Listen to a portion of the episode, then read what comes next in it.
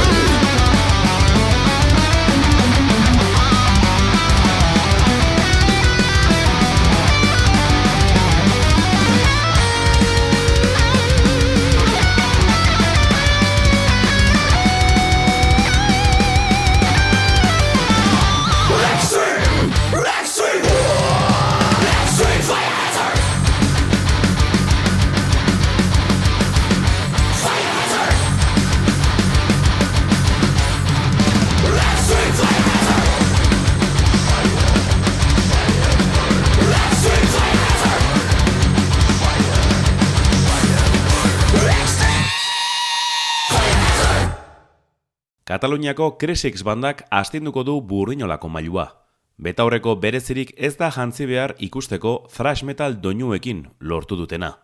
Full HD bosgarren diskoarekin bereizmen handikoak direla berretsi dute.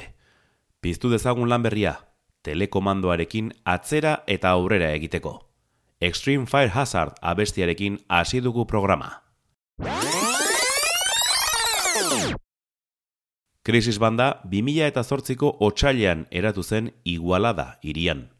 Javi Carrion bateria eta Mark Torras basu jotzailea izan ziren sortzaileak. Eta gutxira batu zitzaizkien Mark Buske eta Albert Rekena gitaristak eta Julian Baz abeslaria. Boskote gisa, 2000 eta zortzian bertan kaleratu zuten Demonstration maketa.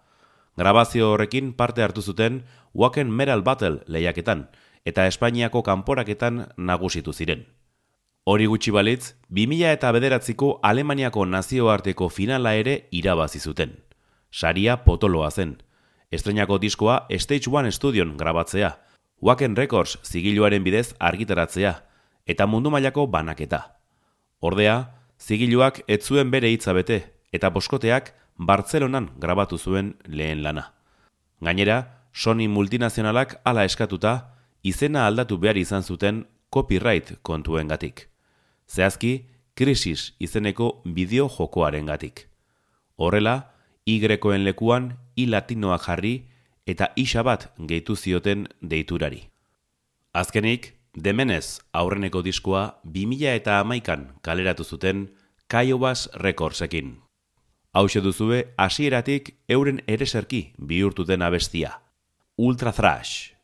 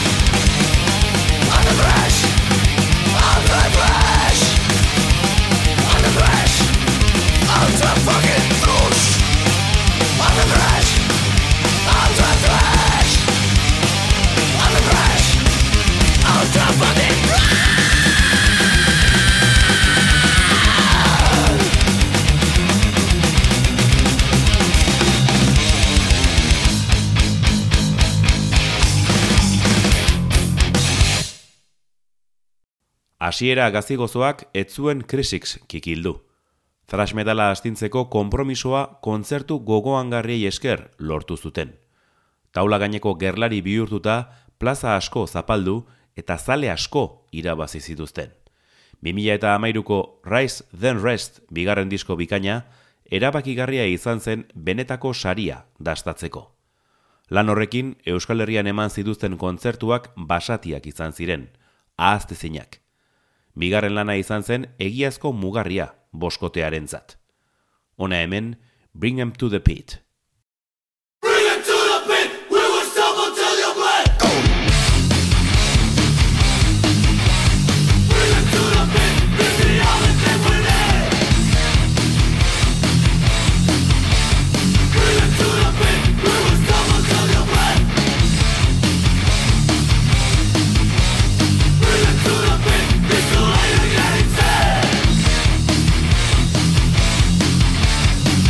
enemy.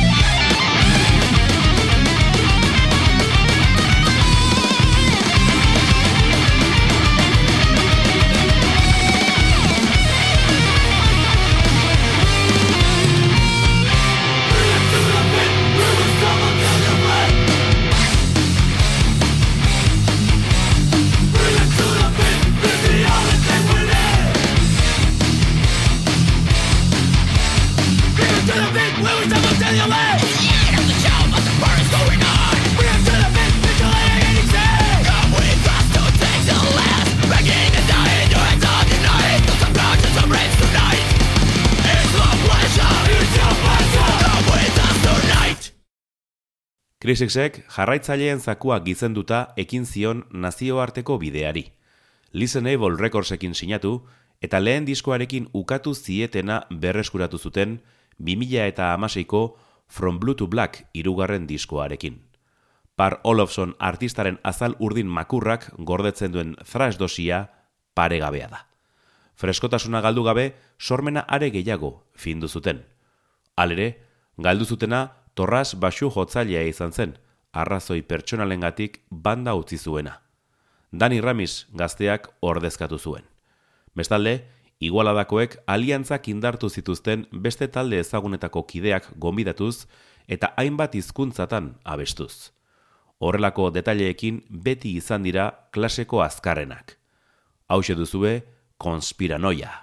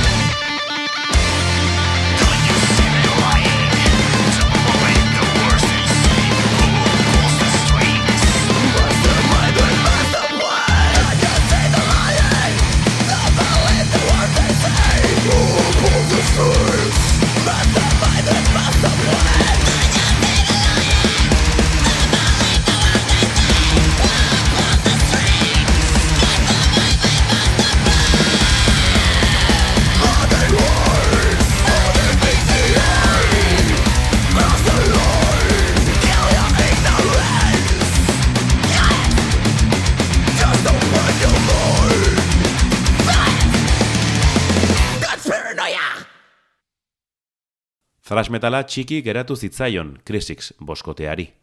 Jarkorerantz hurbiltzea erabaki zuten, ziurrenik zale gazte eta gehiago erakartzeko. Nolabait lortu zutela esan daiteke, kontzertuetan askotariko metalzaleak ugaritu zirelako. Pauso hori, 2000 eta emezortziko Against the Odds laugarren lanarekin eman zuten, crossover eta hardcore punk eraginak azaleratuz. Estetika bera ere zer txobait aldatu zuten taldekide batzuek hardcore itxurako mozorroekin. Berezko umorea eta biurrikeriak ere indartu zituzten. Dena dela, maila onari eutxi zioten. Ona hemen, The North Remembers.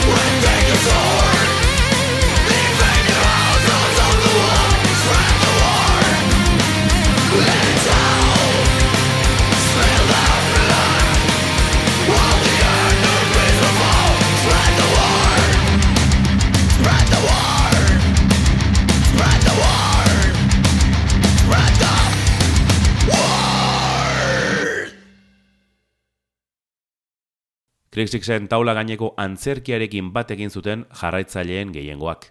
Entretenimendua lehen etxi zuten koreografia eta bestelako osagarriekin.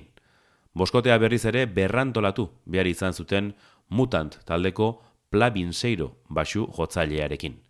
Binseiro gaurrez, Galizieraz abestu zuen From Blue to Black lanean.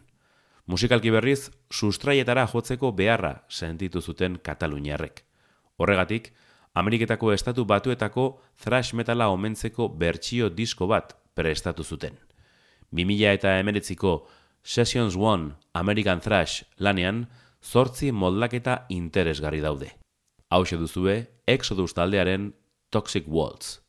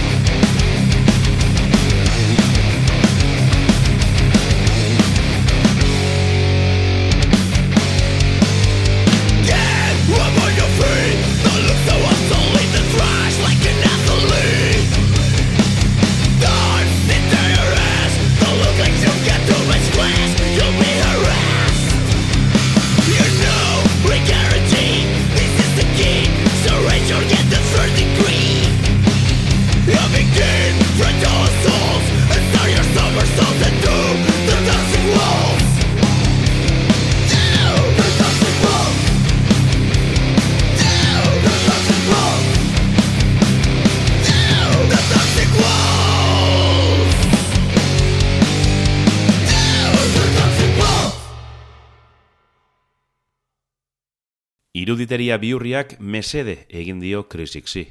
Ez da denen gustukoa izango, baina bai askorena. Horren eredu da, 2000 eta hogeita bat garren urtean kaleratu zuten de pizza EP lan laburra. Gustuko duten jaki hori omendu zuten, gogora ekarriz, taldekideetako bat pizza banatzailea izan zela. Hain zuzen, banatzaile baten ibilerak kontatu zituzten film labur divertigarri batean. Historioak lau atalditu, laneko abestiak aina.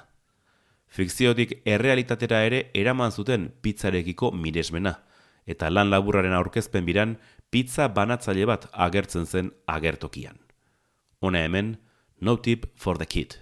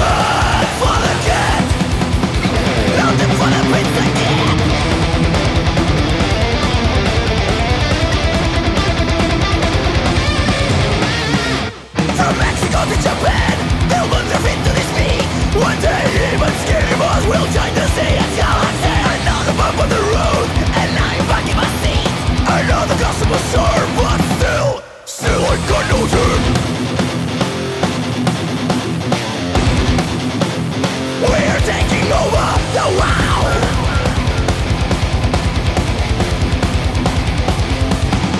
Cause there's no time for the. No time for the kid. No time.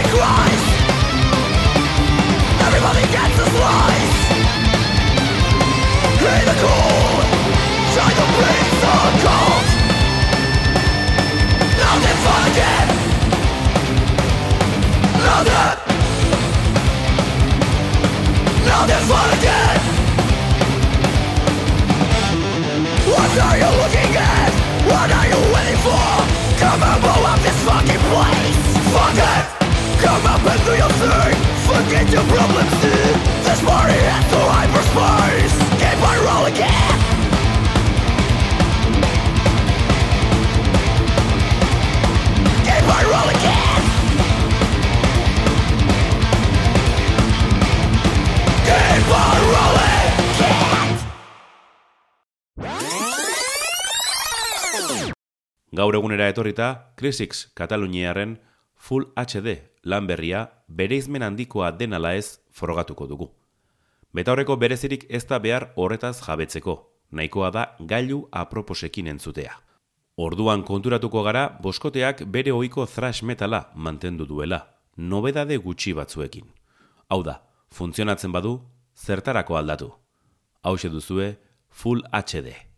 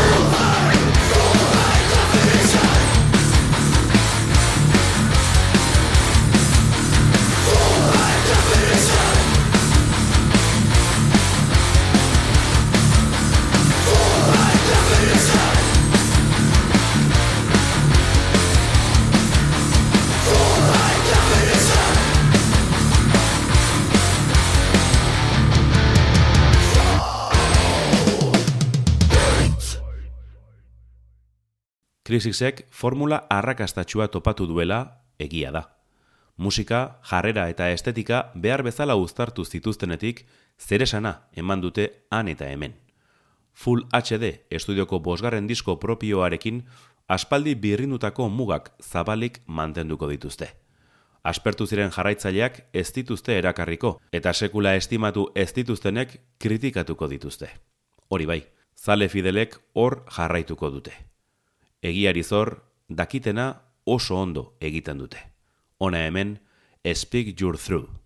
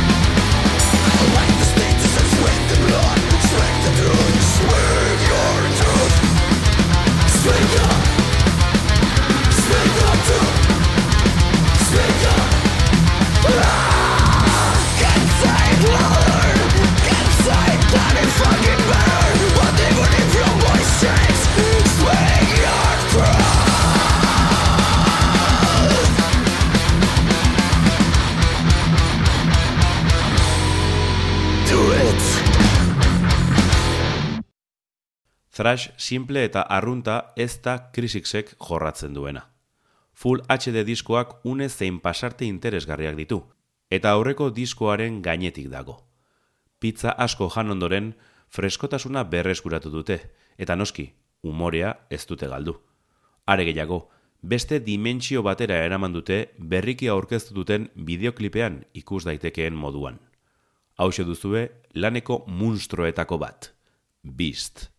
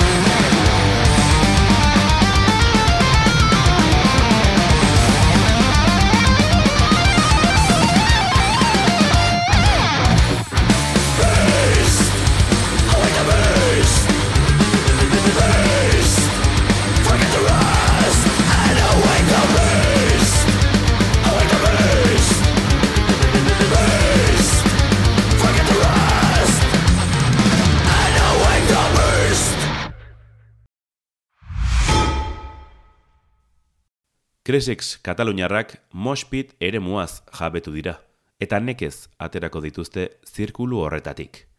Full HD diskoak heldutasuna eta egonkorturiko formula bat islatzen du. Gainera, umorea, frik zaletasuna eta luxuzko gonbidatuak ditu. Saioa bukatzeko, azken diskoak duen ere serkia hautatu dugu. World Need Mosh United. Urrengora arte, metal zale. Mosh!